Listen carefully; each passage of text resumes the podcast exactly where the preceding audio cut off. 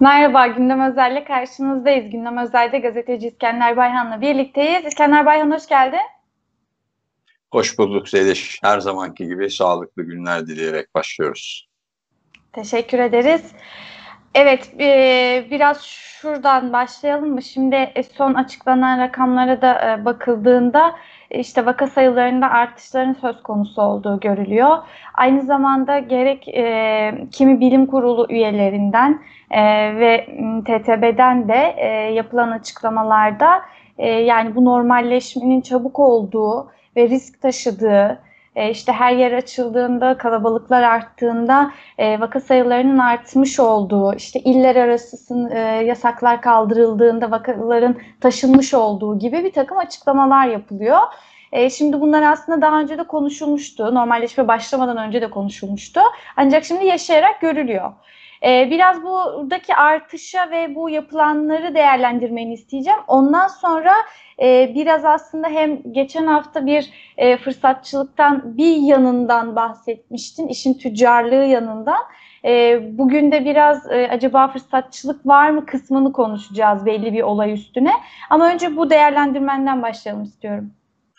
Evet, Zeliş maalesef e, başından beri e, biz belli konularda e, eleştirel e, yaklaşımlarla pandemi süreci, salgın sürecindeki hükümetin attığı adımları tartışırken e, hep tabii e, bu meselede haksız çıkmak isteriz. Bu ayrı bir şey yani sonuçta çünkü insan hayatına dair konuşuyoruz. Salgın yayılmasını isteriz, ölüm sayıları artmasını isteriz, vaka sayıları çoğalmasını isteriz. Ama maalesef ne artacak, çoğalacak bu iş bir sürü bağışıklığıyla test yapıyorlar dedik dedik ve şimdi son dört e, gün arka arkaya gelen rakamlar e, bu vaka sayılarındaki artış e, maalesef bu e, acaba e, bu normalleşme süreci nereye varacak? Bu yeni normal denen süreç e, ikinci pik yapma tartışması da dahil nasıl bir şey ortaya çıkaracak? Haziran sonuna kadar e, çok tehlikeli bir tabloyla mı yüz yüze kalacağız diye sorular e, Sağlık Bakanı'yla Bilim Kurulu'nun ağzından da sık sık söylenmeye başlar oldu. Şimdi yalnız tabii hala barometre hükümet açısından e, barometre ölüm ve e, entübe hasta sayısı daha doğrusu yoğun bakım hasta sayısı olarak görünüyor. Yani Hı. hükümet mesela sal, e, salgının e, yükseldiği ve vaka sayılarının resmi rakamlarla vaka sayılarının arttığına dair açıklamalarda bile sürekli halkı uyarma, halkı suçlama, e, halkı eleştirme, halkın attığı adımları veya işte maske, e, mesafe ve e, hijyen kurallarına uyup uymama telkinleri dışında esas olarak e, tedbirler açısından, yeniden tedbirlerin alınıp alınmayacağı açısından yoğun bakım hasta sayısı ve ölümlü vaka sayısına bakıyor. Orada henüz bir şey görmüyorlar. Onun için bunu devam ettirecek görünüyorlar. Yani orada normal, yeni normal rakamlarının e, kendini koruduğunu düşünüyorlar. İşte 15'ler civarında bir ölüm oranı ki bence onların kafasında 30'lara 40'lara bile çıksa e, bu normal de ol, olacak. Artı yoğun bakımda da binin altında e, 800'ün 900'ün altında yoğun bakım hastası sayısı normaldir deyip yollarına devam edecekler görünüyor.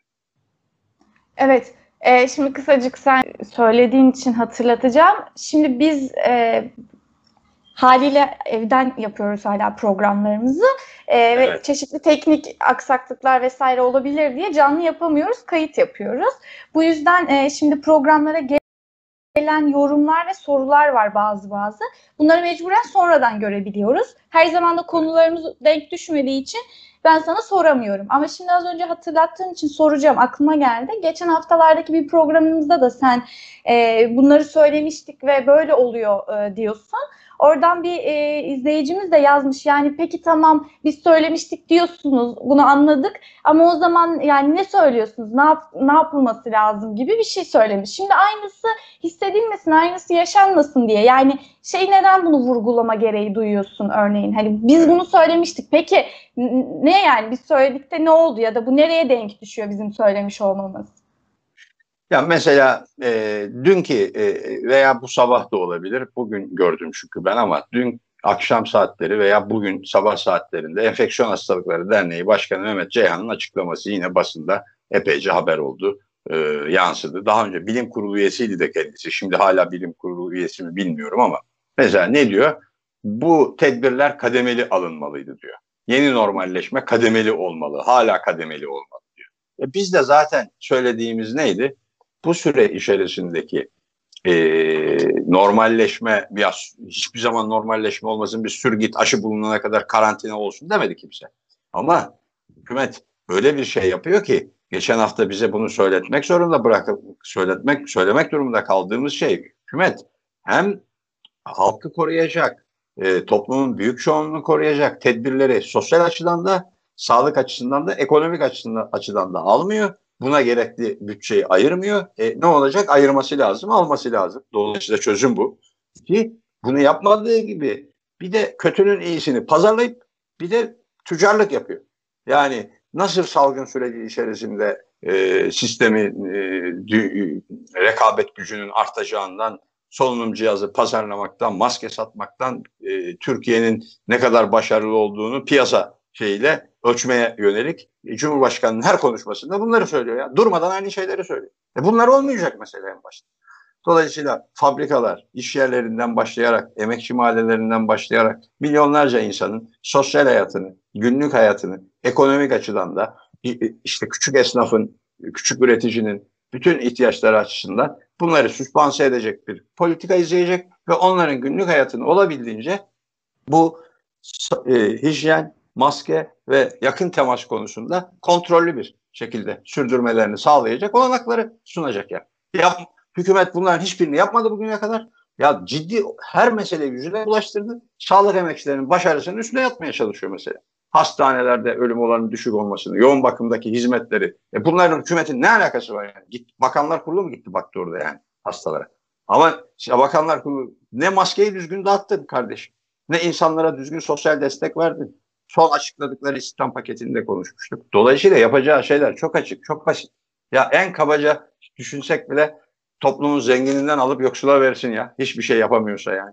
yani Robin Hood gibi bir, bir sosyal politika izlese bu bile bugünkünden daha e, insani, daha vicdani, daha insaflı bir tablo çıkar ortaya. Yani. Sağolun karşısında. Peki. E, karikatürize ettiğini varsayarak bu konuyu kapatıyorum. Evet. e, şimdi biraz da şöyle konuşalım. Hem e, gündemin e, sıcak gelişmelerinden birisi hem de işte tüm bu konuşulanları da bir yandan bağlayacağız demiştik. E, şimdi HDP'li e, milletvekillerinin e, vekilliklerinin düşürülmesinin ardından e, HDP bir e, karar aldı, bir eylem kararı aldı, bir yürüyüş başlatacağını duyurdu, demokrasi yürüyüşü e, ve işte Türkiye'nin çeşitli kollarından, çeşitli illerinden çeşitli kollar e, yola çıkıp e, yürüyüşlerini gerçekleştireceklerdi. E, şimdi bu birkaç haftadır duyuruluyor zaten ve işte yol güzergahı belli, gidecekleri, geçecekleri, duracakları yerler belli, yapacakları ziyaretler belli, tüm program hazır. E, ancak birkaç gün önceden şunlar başladı. Geçici yerler arasındaki e, sınırlar içerisinde olan e, illerde e, eylem ve işte e, yürüyüş, ilçeye ile giriş çıkışlar e, yasaklandı. İşte kim yerde 5 gün, kim yerde 3 gün e, gibi böyle çeşitli yasaklar alındı. Son rakamda 10 ilde giriş ve çıkışlar yasaklandı. Bunlar da e, sebep olarak şu gösterildi. İşte pandemi süreci, koronavirüs dönemi e, ve işte tehlikeli olabileceği, dışarıya dış başka illerden gelenlerin, kalabalık gelenlerin tehlike yaratabileceği söylendi ve bu yüzden giriş çıkışlar yasaklandı. E, bu bir yandan akılla tabii şu soruyu getirdi yani bu bir fırsatçılık mı, bir koronavirüs fırsatçılığı mı yapılıyor sorusunu getirdi. Sana soralım, sence bu koronavirüs fırsatçılığı mı? Tabii bu nasıl ekonomik, sosyal açıdan ki saklama açıklamadan da söylüyor Cumhurbaşkanı e, bu konudaki yaklaşımını diyorum. E, aynı şeyi şimdi siyaset alanında da devam ettiriyor. Yani yasalardan başladığı meclisin çalışmasından ki e, genel başkan yardımcısı sanıyorum e, daha önce e, başbakan yardımcılığı da yaptığı Numan Kurtulmuş bunu çok özlü ifade etmişti. E, bu pandemi süreci bizi siyasi açıdan belli açılardan biraz geriletti. E, bir süre e, bilim kurulunun kararları ve pandemiye karşı mücadele e, konusundaki adımlar öne çıktı ama artık normal e, siyasette de normale dönmeliyiz yollu bir değerlendirmesi yansımıştı başına. Aslında şimdi siyasetteki normale dönüş salgın sürecinde e, siyasi olarak da salgını fırsata çevirmek olacak. Yani ekonomik olarak, tüccarlık olarak nasıl fırsata çevirme şey izliyorsa siyaseten de fırsata çevirme olacak. Memlekette her şeyin serbest olduğu bir ortamda salgın gerekçesiyle ne yasaklanıyor? Demokratik haklar için milletvekillerinin öncülüğünde yapacak bir yürüyüş yasaklanıyor mesela. Neler yasaklanacak? Sokakta basın açıklaması, işçilerin hak alma mücadeleleri yasaklanıyor, engelleniyor. İş yerlerinde mesela her şey serbest ya nasıl bir çalışmak saatlerce 12 saat 13 saat hatta mesai serbest sağlık koşullarında ama hak mücadelesi yasak.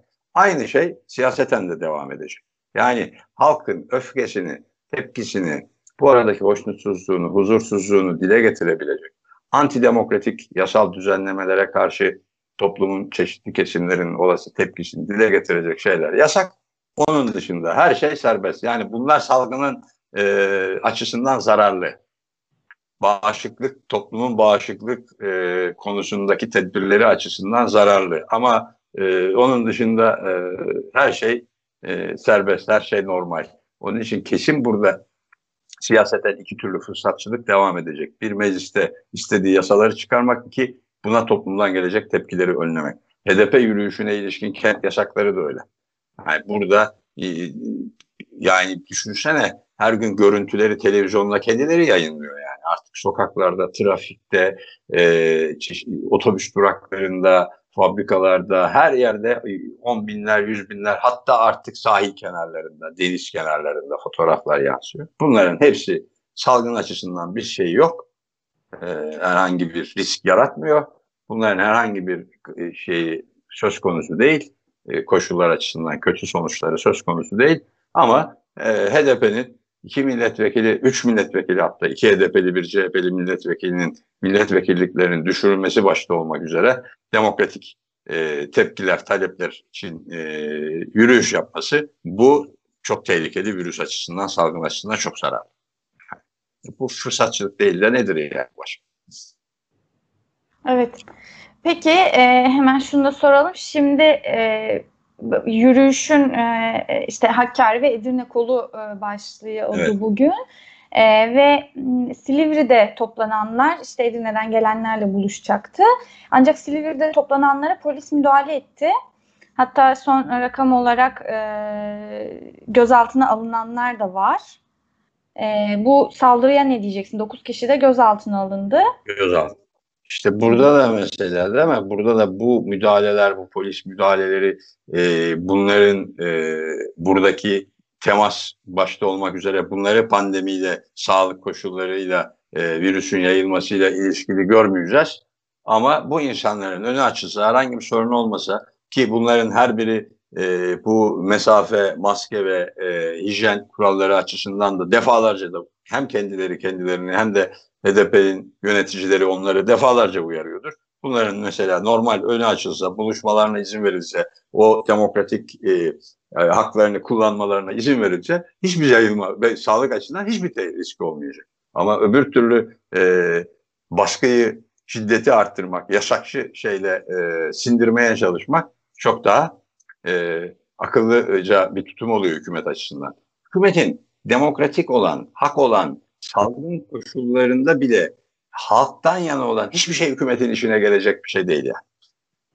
Hükümetin işine gelen tek şey e, bu süre içerisinde olabildiğince ülkeyi baskı altında antidemokratik biçimlerde tek adam yönetiminin e, sultası altında tutacak adımları atmak, bunu fırsatçılığını yapmak, her koşulu buna uygun değerlendirmek bu açıdan e, kara, ranta, kazan kazan siyasetine dökmek yani. Onun için bu saldırılar da aslında bunun göstergesi. O kadar kişi gözaltı, 9 kişi gözaltına alıyorsun. Silivri'de toplanan kaç kişi? Onların o yürüyüş koluyla buluşmasını, onlara destek açıklamasını yapmasını e, ne, e, olanaklarını yaratsa mi? salgın koşullarında daha akıllı, daha mantıklı bir iş yapmış olacak ama bunun yerine öbürünü tercih ediyor. Evet. Peki, e, şimdi bir başka gündemse bugün 15 Haziran ve 15-16 Haziran e, direnişinin de 50. yıl dönümü bu yıl. Ee, biraz 15-16 Haziran'a dair ne söyleyeceksin? Ee, onu soracağım sana. Biraz e, şöyle sormak istiyorum ben. Şimdi 50 yıl geçti üzerinden ama bugün hala e, 15-16 Haziran anılıyor ve e, anlatılıyor. E, o büyük direnişin de e, yol göstericiliği elbette devam ediyor.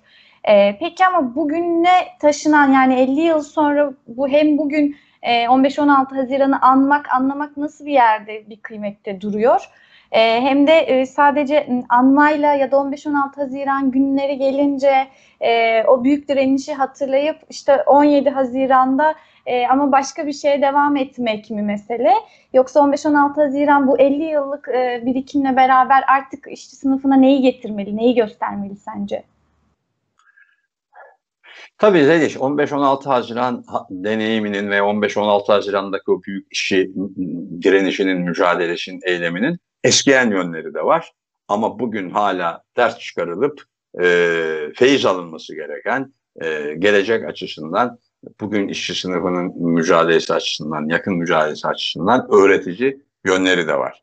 Şimdi e, nedir o açıdan bakarsak 50 yıl sonra hala 15-16 Haziran'ı bu kadar kıymetli kılan şey? Aslında o, o, o 50 yıl içerisinde de çeşitli e, başka örnekleri olsa da esas olarak o gün Türkiye'nin büyük hemen hemen büyük birçok sanayi kentinde Ankara, İceli, Bursa, Gebze, İstanbul gibi büyük sanayi kentlerinde e, ilk gün 70-80 bin, ikinci günü 150-200 bini bulduğu söylenen e, iş yeri fabrikalardan kalkan ve e, bir antidemokratik yasaya karşı e, işçilerin mücadelesi ve o yasayı geri püskürtmelerini ifade eden bir e, mücadele deneyimidir bunu bugün onu bu kadar canlı kılan. Bugüne niye benziyor? Aslında Türkiye'de veya bugün açısından neden kıymetli? Türkiye'de bugün hem sendikal hareketin hem işçi hareketin hem de siyasetin birçok temel işleyiş mekanizmaları o gün de aynı cereyan etmişti. Yani Demirel'le e, Ecevit'in yani CHP'le Adalet Partisi'nin e, ortaklığıyla işçilerin haklarını tırpanlayan bir yasa meclise getiriliyordu. Sendika yasası ve toplu sözleşme yasası, grev yasası. Bu yasa onların ittifakıyla meclisten geçirildi. İşçiler aşağıdan bir tepkiyle buna karşı çıktılar. Fabrikalarda örgütlenerek karşı çıktılar bu esas olarak işçilerin Türk İş'teki sendikal bürokrasiye karşı olan tepkileriyle yeni bir sendikada, diskte, konfederasyonda örgütlenmelerinin önünü kesmek için yapılıyordu bu yasalar. Daha da ağırlaştırıyordu sendikalaşma ve örgütlenmeyi ve işçiler buna geçit vermeyeceğiz, izin vermeyeceğiz dediler ve gerçekten iş yeri temsilcileri, işçi öncüleri, öncüler, öncülerin, işçi liderlerinin fabrika örgütlülükleri üzerinden bir mücadele sergilediler. Ne sendikal bürokrasi bunun önüne geçebildi ne de hükümet bu mücadeleyi saldırarak, bastırarak ezmeye, püskürtmeye yöneldi. Onun etkisini ortadan kaldıramadı. 15-16 Haziran'dan sonra da devam etti eylemler, iş yerleri temelinde ve nihayetinde o yasayı geri çekmek zorunda kaldılar. Ve şöyle düşünelim, hükümet o dönem e, Ecevit'le e, Demirel'in anlaşıp çıkardıkları yasa mecliste anlaşıp çıkarılan yasa yani CHP ve Adalet Partisi'nin anlaşarak çıktığı yasa Anayasa Mahkemesi'nden geri dönmek zorunda kaldı. E, o dönem CHP bu sefer işçilerin tepkisi karşısında geri adım atıp e, yasanın iptali için Anayasa Mahkemesi'ne müracaat etti. Önce onaylanmasına e, için çalışma yaptı. Dolayısıyla bu açılardan baktığımızda bugün hem sendikal bürokrasiye karşı tutum hem güçlü bir işçi hareketi, haklarını alabilen bir işçi hareketi nasıl olur? Bu açıdan ne yapmalı sorusunun yanıtı.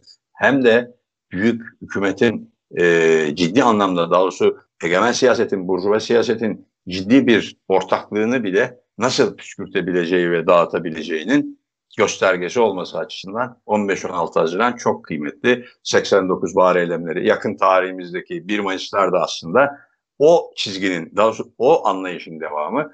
Ee, biraz da biz zaman zaman işçiler, emekçiler ne yapmalı derken çok soyut şeyler söylüyormuşuz. Çok güzel ama gerçekleşmesi zor şeyler söylüyormuşuz gibi düşünülür ya. Aslında onun öyle olmadığının 50 yıl önceki büyük bir kanıtı o yani.